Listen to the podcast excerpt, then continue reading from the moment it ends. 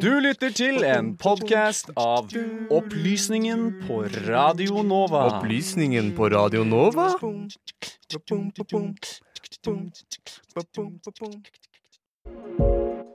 For Trump så har han både vunnet og tapt. What did I think when Maduro took power? Well, he's a clown. Det koster mye å gjøre store endringer. You know, I think if we can't do it in Norway, we can't do it anywhere. Nei, De har jo ikke noen fremtid. De sitter jo bom fast. Du lytter til Radio Novas samfunns- og aktualitetsmagasin Opplysningen.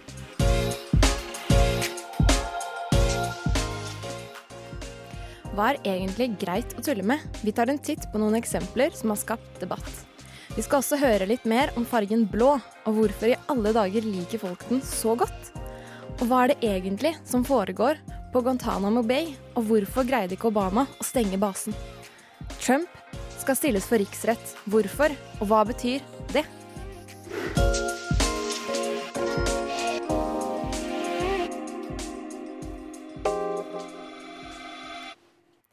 Og velkommen til ukas sending av Opplysningen.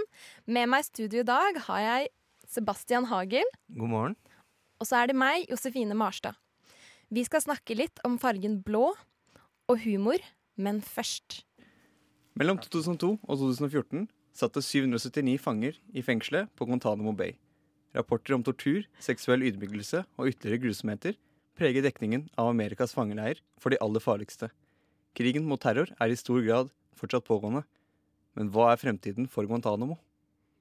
11. januar 2002 letter et fly fra Kandahar i Afghanistan med kurs for Cuba. Om bord på flyet er 20 fanger med tilknytning til terroristorganisasjonen Al Qaida. Disse 20 skal utgjøre de første fangene som sitter fengslet i Camp X-Ray ved amerikanernes militærbase Guantánamo Bay. Guantánamo Bay er en amerikansk marinebase og fangeleier som ligger i Bahia de Guantánamo på Cuba. Basen ble opprettet som en fangeleir med krigen mot terror som bakteppe. Extraordinarily Dangerous People var det forsvarsminister Donald Rumsfeld mente leiren skulle huse. Ifølge CNN var det så mange som 648 Extraordinarily Dangerous People fengslet i Guantánamo-bukta allerede i 2003. Amerikansk kontroll over Guantánamo-bukta på Cuba strekker seg helt tilbake til 1903. Da ble det opprettet en leieavtale mellom amerikanske og cubanske myndigheter, som igjen ble fornyet i 1934. Cubanerne har siden 1960 ment denne avtalen ikke er rettmessig, men enn så lenge har slike klager falt for døve ører. I 2009 tiltrådte Barack Obama som president i USA. I løpet av hele valgkampen hans og også hele hans presidentperiode fremmet Obama saken om å legge ned fangeleiren på Guantánamo. For many years, it's been clear that the detention facility at Guantanamo Bay does not advance our national security. It undermines it. This is not just my opinion. This is the opinion of experts. This is the opinion of many in our military.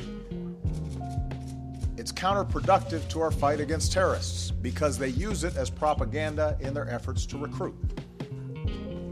It drains military resources. With nearly $450 million spent last year alone to keep it running, and more than 200 million in additional costs needed to keep it open going forward for less than 100 detainees. I 2009 signerte Obama en presidentordre som slo fast at basen skulle stenges innen et år. Nå, ti år senere, har ingenting skjedd, og basen på Guantánamo er fortsatt operativ. Hovedgrunnen til at Obama ikke lyktes med å stenge ned basen, er kontroversen rundt fangene som sitter der. Da Obama ble president, satt 242 menn fengslet på basen. Disse hadde blitt fengslet under president Bush, og dermed har de gått i arv fra Bush til Obama. For å kunne stenge ned basen var disse menneskene nødt til å bli flyttet eller frikjent.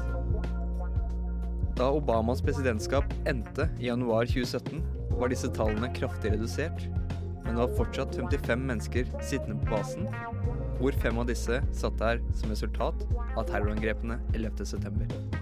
Ganske tidlig i prosessen ble det klart at å stenge Guantánamo betydde å flytte enkelte av disse fangene til ulike fengsler i USA.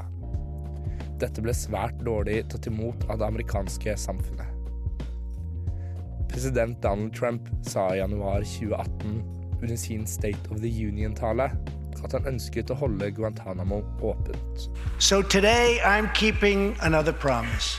I just signed, prior to walking in, an order directing Secretary Mattis, who is doing a great job. Thank you. To re examine our military detention policy and to keep open the detention facilities in Guantanamo Bay.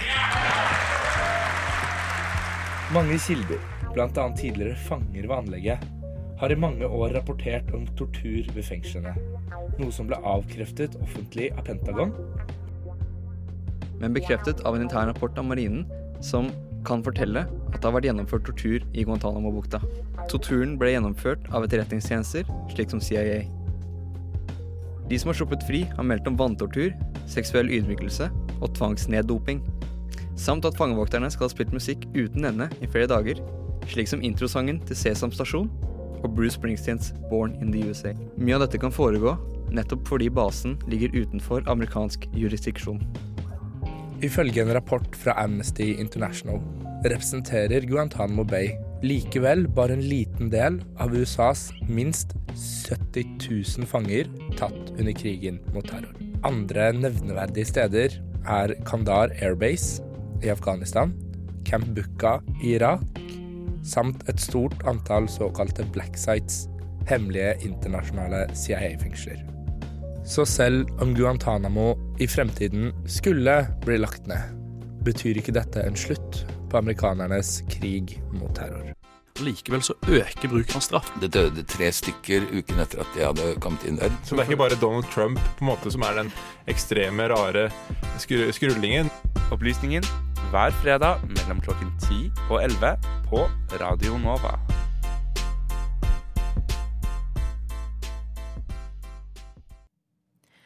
Verdens eldste vits har blitt datert til 1900 år før Kristus, og humor har lenge vært en del av menneskerasen. Men hva er egentlig greit å tulle med?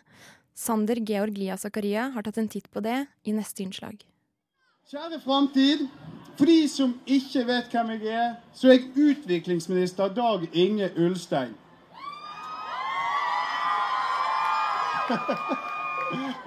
takk, takk. Eh, det var, som er sagt her, ikke planlagt at jeg skulle komme. Men eh, vi i regjeringen har eh, pratet om dere i statsråd nå. Og eh, da ble jeg sendt ned til dere for å si på vegne av regjeringen Vi hører dere! Vi ser dere! Klippet du hører her, er fra klimademonstrasjonen i Oslo 22.3 i år. Og mannen du hører snakke, er ikke mannen han utgir seg for å være. Mannen som her utgir seg for å være bistands- og utviklingsminister Dag Inge Ulstein, er i realiteten komiker Thomas Teige, som jobber for NRK-programmet Satiriks. I tiden etter stuntet oppsto det en debatt i Norge.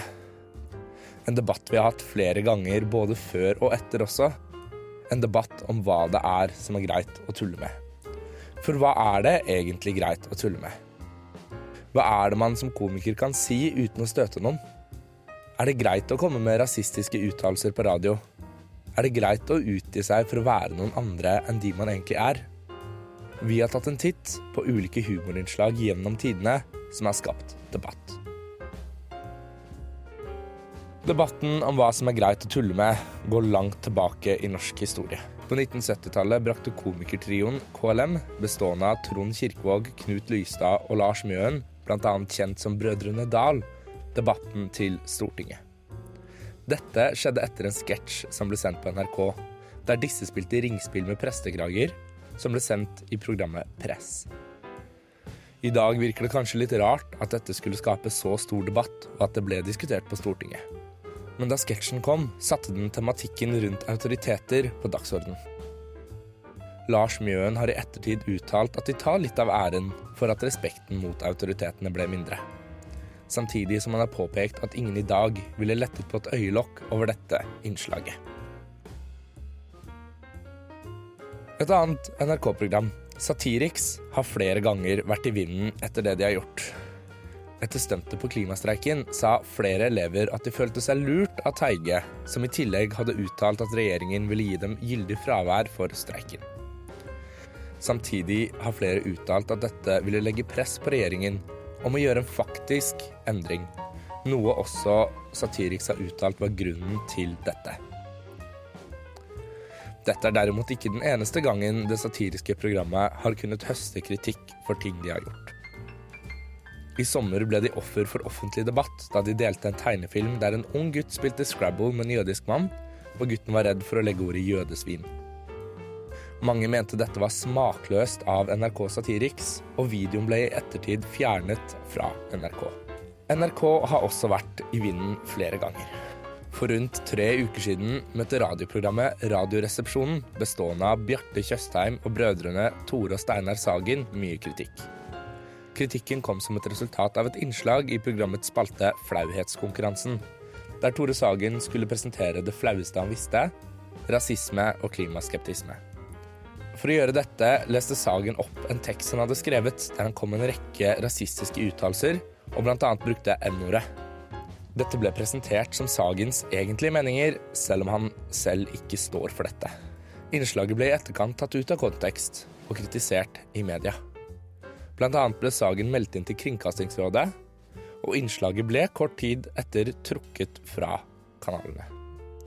Sagen har gått ut og sagt at han ikke vil be om unnskyldning fordi han mente det han gjorde ikke var galt, men han har sagt at han aldri ville bruke N-ordet igjen. Saken ble i går tatt opp i Kringkastingsrådet, og responsen var ganske annerledes enn det folk hadde sett for seg.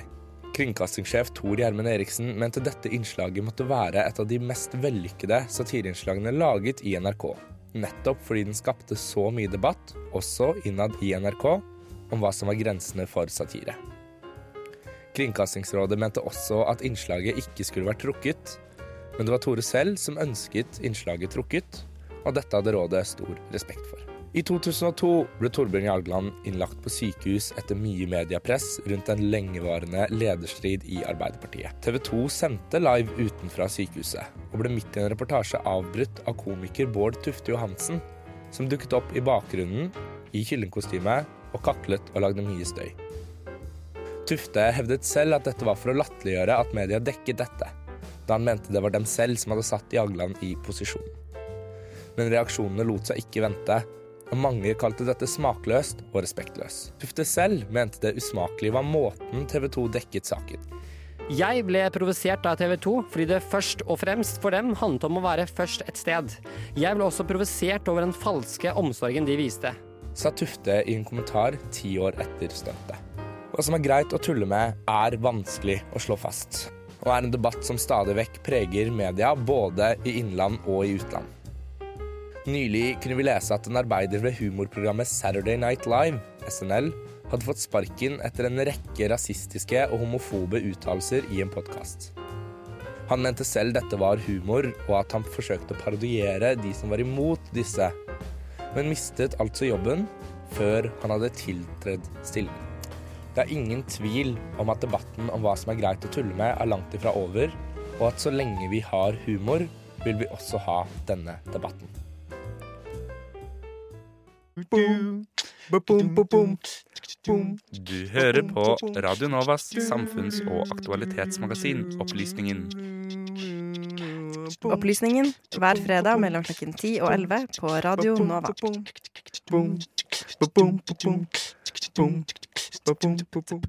Det er nå omtrent 20 år siden sist vi hadde hatt et spørsmål om riksrett mot en sittende amerikansk president. Da var det Bill som ikke hadde hatt seksuelt samkvem. Nå er det Donald som angivelig skal ha bedrevet valgfusk. Hva er anklagen, bakgrunn, og hvordan passer Ukraina inn i bildet? Mer om dette i dette kommende innslaget, laget av meg, Sebastian Hagel.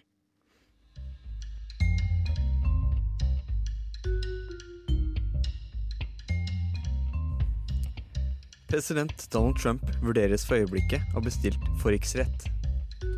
Demokratene har endelig fått ammunisjonen de trenger for å fjerne presidenten fra sin post. Den ammunisjonen har de fått fra Ukraina. Kortversjonen av denne saken er Trump kan stilles for riksrett fordi han har brukt posisjonen og makten sin som president uaktsomt for politisk vinning inn mot neste valg. Dette er rett og slett ulovlig. Saken starter ved at den varsler lakk informasjon om at Trump skal ha brukt pressmidler imot den ukrainske presidenten Volodymyr Zelenskyj i juli i år, slik at han kan starte en etterforskning imot Joe og Hunter Biden. Joe Biden er som kjent tidligere visepresident fra Obama-administrasjonen og favoritt til å være Trumps motkandidat i 2020-valget. Og Hunter er hans sønn, som i relasjon til denne saken satt i styret i Burisma Holdings, en naturgassprodusent basert i Ukraina. Trump mente en etterforskning inn i Biden-familien var nødvendig grunnet mistanke om at Joe Biden hadde brukt sin posisjon til å få en ukrainsk toppaktor med navn Viktor Sjokin sparket for å beskytte hans sønn mot korrupsjonsanklager. Sjokin ble presset ut, bl.a. etter initiativ fra Joe Biden, men det var en resignasjon ukrainerne i stor grad var for. Sjokin undersøkte nemlig aldri korrupsjon. Mannen gjorde ikke jobben sin. Ukrainske embetsmenn har i etterkant uttalt at de ikke har funnet noe av Hunter Bidens atferd i strid med loven. Pressmidlene Trump skal ha brukt, var å kansellere et planlagt besøk fra Mike Pence, samt å tilbakeholde 400 millioner dollars verdi av militære midler til landet. Videre skal Trump, hans personlige advokat, tidligere borgermester i New York, Rudy Giuliani, og justisminister William Barr alle har snakket personlig med president Zelenskyj. Interessant nok skal en telefonsamtale ha blitt holdt mellom Trump og Zelenskyj som ikke ble plassert riktig i transkripsjonssystemene til Det hvite hus.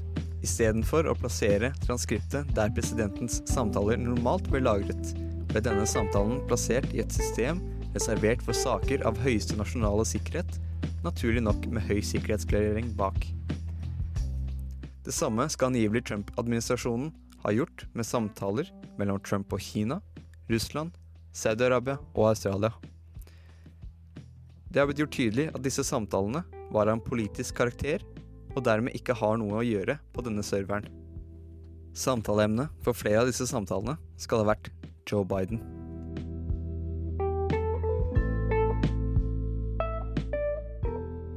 The Federal Election Commission, en amerikansk institusjon som ser over ordentlig opprettholdelse av finanslovene i henhold til valgkamper, og deres leder, Ellen Weintraub, sa It is illegal for any person to solicit, accept or receive anything of value from a foreign national in connection with a US election. Trump har altså brutt valgloven og brukt presidentmakten sin for å gjøre det. Det som er viktig å notere seg i den sammenheng, er at eneste måten å dømme en president for loven på, er gjennom riksrettprosesser, som på engelsk heter impeachment, som ikke alltid nødvendigvis resulterer i at vedkommende blir fjernet fra sin posisjon, men at en dom blir felt som potensielt kan bety det. Av de to presidentene gjennom historien som har blitt dømt i riksretten, ble ingen av de fjernet fra sin posisjon. Bill Clinton fikk f.eks. sitte helt i 2001, selv om han ble dømt for riksrett i 1998. Dersom Trump blir stilt for riksrett, er det ikke sikkert dette har noen konsekvenser for hans nåværende presidentperiode, da den allerede er over i 2020. Men det kan bety noe for hans deltakelse i det neste valget.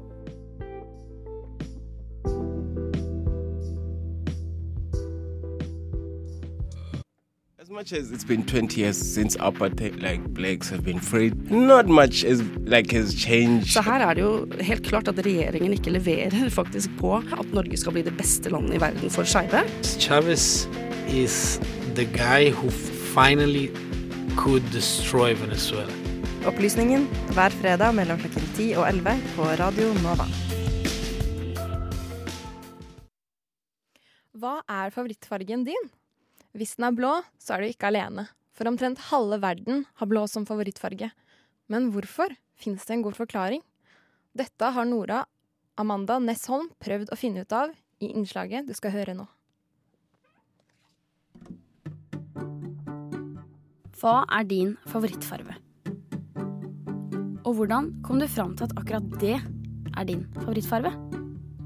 Det kan kanskje være vanskelig å forklare. Kanskje det bare er at den får deg til å føle noe? Eller at den minner deg om noe du liker? Kanskje du tenker på favorittfargen din og tror den sier noe om deg? At det hele henger sammen med personlighet? Hvis du nå tenkte at blått, ja det er favorittfarga mi, så er du ikke aleine, for å si det sånn. Fordi alle elsker blå. Det er blitt gjort mange undersøkelser verden over, og alle tyder på at blått er uslåelig. Nesten halve kloden foretrekker blå. Mens de litt høyere, hvor nærmere halvparten foretrekker blå, mot en tredjedel av damer. Men er ikke det rart? Hvorfor skal alle like samme farve? Er ikke det kjedelig? Det er en sånn ting som jeg tenker at ikke gir mening. Men jo da. Det som alt annet her har visst en forklaring. Eller en antydning til forklaring. Tenk deg om nå. Hva er det egentlig som er blått? Og nå mener jeg naturlig blått. Ute i naturen. Vi har himmelen havet. Det er jo blått. Og så er det sikkert noen sommerfugler og sånn som er blått. Men er det virkelig blått? Ekte blå? For nei, det er ikke det. Vi har blitt lurt. Blått, det fins så vidt, det, ute i naturen. Så blå sommerfugler er egentlig ikke blå. Det skal sies, da, at det faktisk fins sommerfugler som er ekte blå, men de er ekstremt sjeldne. De sommerfuglene vi kjenner til, er bare blå pga. den mikroskopiske fjærstrukturen de har utvikla, som er så bra designa at den bare reflekterer blått. Denne typen blå vil endre nyanse avhengig av perspektivet som du ser det fra, i motsetning til en ekte blå, som vil forholde seg i samme farve, simpelthen fordi det ligger i pigmentet. Det krever også veldig mye energi av dyr og planter for å produsere blått. Og som regel er det ikke effektivt, så det er veldig få som gidder å gjøre det. Med mindre de er avhengig av det for å overleve. Sånn som noen fugler. De er blå for å lokke til seg paringspartnere. Og noen frosker er blå for å advare andre om at de er giftige. Men så har vi jo himmelen. Den er jo i hvert fall blå. Men sånn som alt annet er den jo egentlig ikke det. Himmelen ser bare blå ut fordi luftmolekylene sprer sollyset gjennom atmosfæren, og farva blå blir spredt i alle retninger. Og det samme gjelder havet. Det er bare tull alt sammen. Men er det derfor vi liker blå? Fordi den er så sjelden og flott? Helt unik? Den franske fauvistiske maleren Raoul Dufy var veldig glad i blå. Han sa en gang noe veldig smart. Blått er den eneste farva som opprettholder sin egen karakter i alle toner. Den vil alltid forbli blå, mens gult svartner i skyggene og blekner i lyset. Rødt blir brunt når det mørkner, og fortynet med hvitt er det ikke lenger rødt, men en annen farve rosa. Dufy mente altså at blå hadde helt spesielle egenskaper som de andre farvene ikke hadde. Er det da kanskje derfor vi foretrekker den? Av den store skala? Alt fra lys himmelblå til mørk marineblå? Vi må nok tilkalle psykologene for svar. De sier nemlig at det hele handler om hvilke følelser vi forbinder med vår favorittfarve. Og den grunnleggende emosjonen knyttet til blått er ro og åpenhet. Den er ren og fri, minner oss om en skyfri blå himmel og det åpne hav. Vi får assosiasjoner som mulighet og trofasthet. Den gjør oss altså rolig, skaper ro i sjela. I motsetning til rød, som gir oss assosiasjoner som ild og fare. Mennesker har en slags knytning til blå, som om det er innebygd i oss å søke ro i stedet for fare. Men i bunn og grunn så er det ingen definisjon på hvorfor det er sånn. Dette er bare en haug av teorier. Kanskje vi liker blått fordi det er en mystikk i det vi ikke forstår, at det stimulerer oss med sin store sjeldenhet. Eller er det den brede skalaen den bærer med seg, en regnbue av blå nyanser som vi ikke får nok av? Eller den rolige følelsen den gir oss, tar oss imot med åpne armer og stoler på oss. En komfortabel venn. Uansett så er min favorittfarge grønn, og jeg klarer ikke å begripe hvorfor i alle dager jeg foretrekker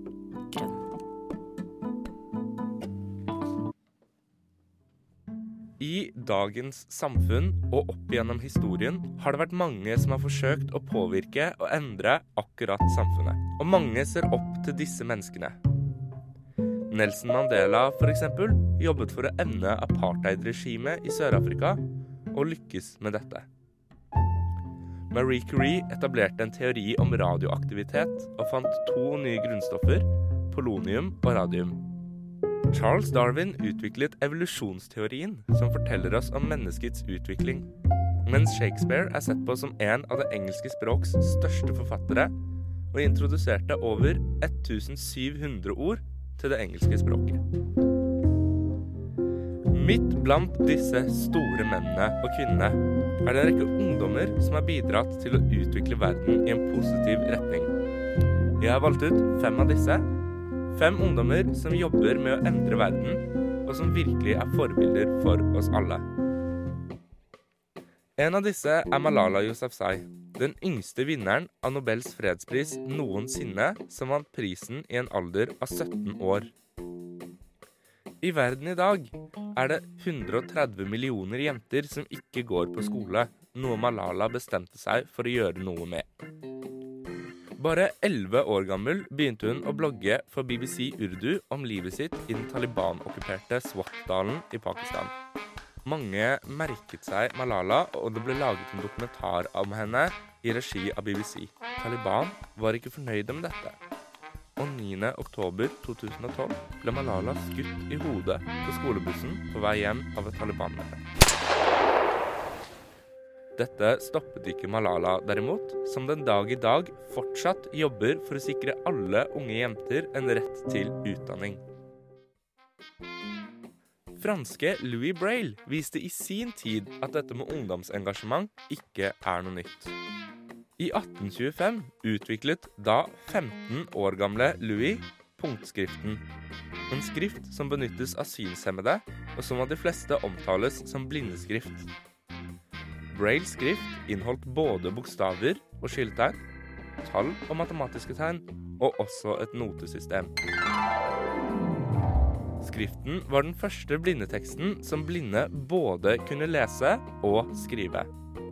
Og selv om han døde i 1852, brukes fortsatt Braille skriftsystem uendret i dag. 18 år gamle Emma Gonzales overlevde i februar 2018 skoleskytingen ved Marjorie Stoneman Douglas High School i Parkland, Florida.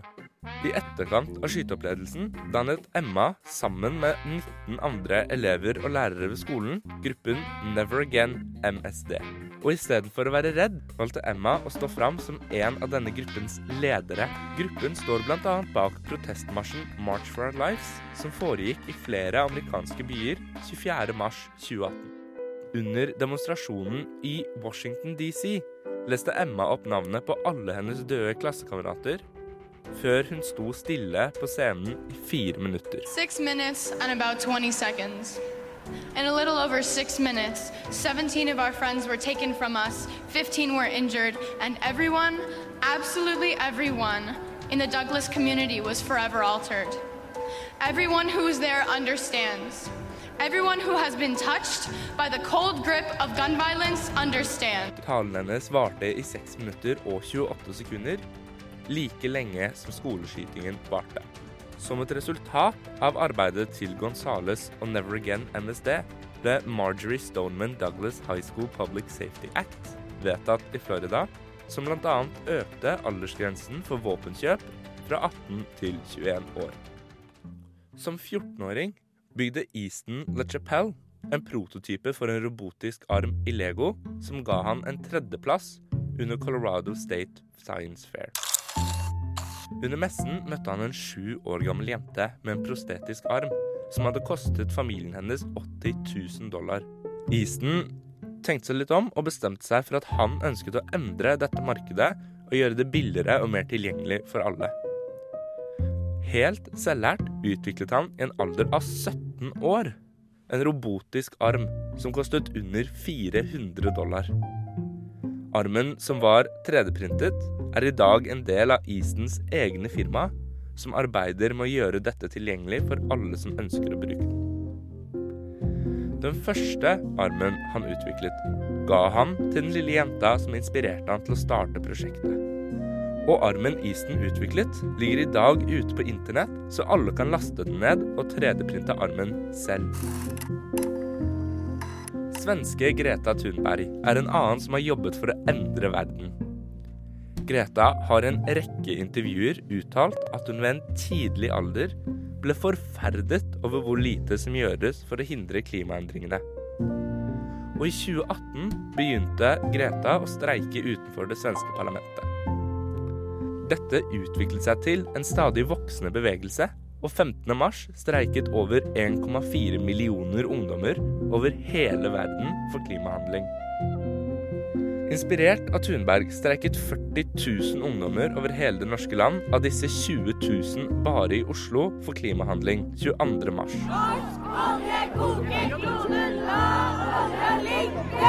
Greta har blitt nominert til Nobels fredspris av tre norske stortingspolitikere. Og den neste store klimastreiken er satt til 24. mai. Dette viser oss at ungdommen har en enorm påvirkningskraft i samfunnet. Og at alle som virkelig vil, kan revolusjonere verden vi bor i. Og at man aldri er for ung til å skape endringer. Disse fem ungdommene er virkelig forbilder for oss alle.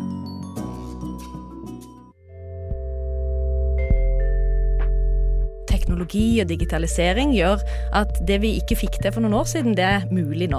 At det å stadig vekk skulle balansere mellom frihet og ufrihet Det er ikke noe særlig lurt å stole på viljestyrken, f.eks. Kirkas demokratisystem. Opplysningen hver fredag fra klokken 10 til 11.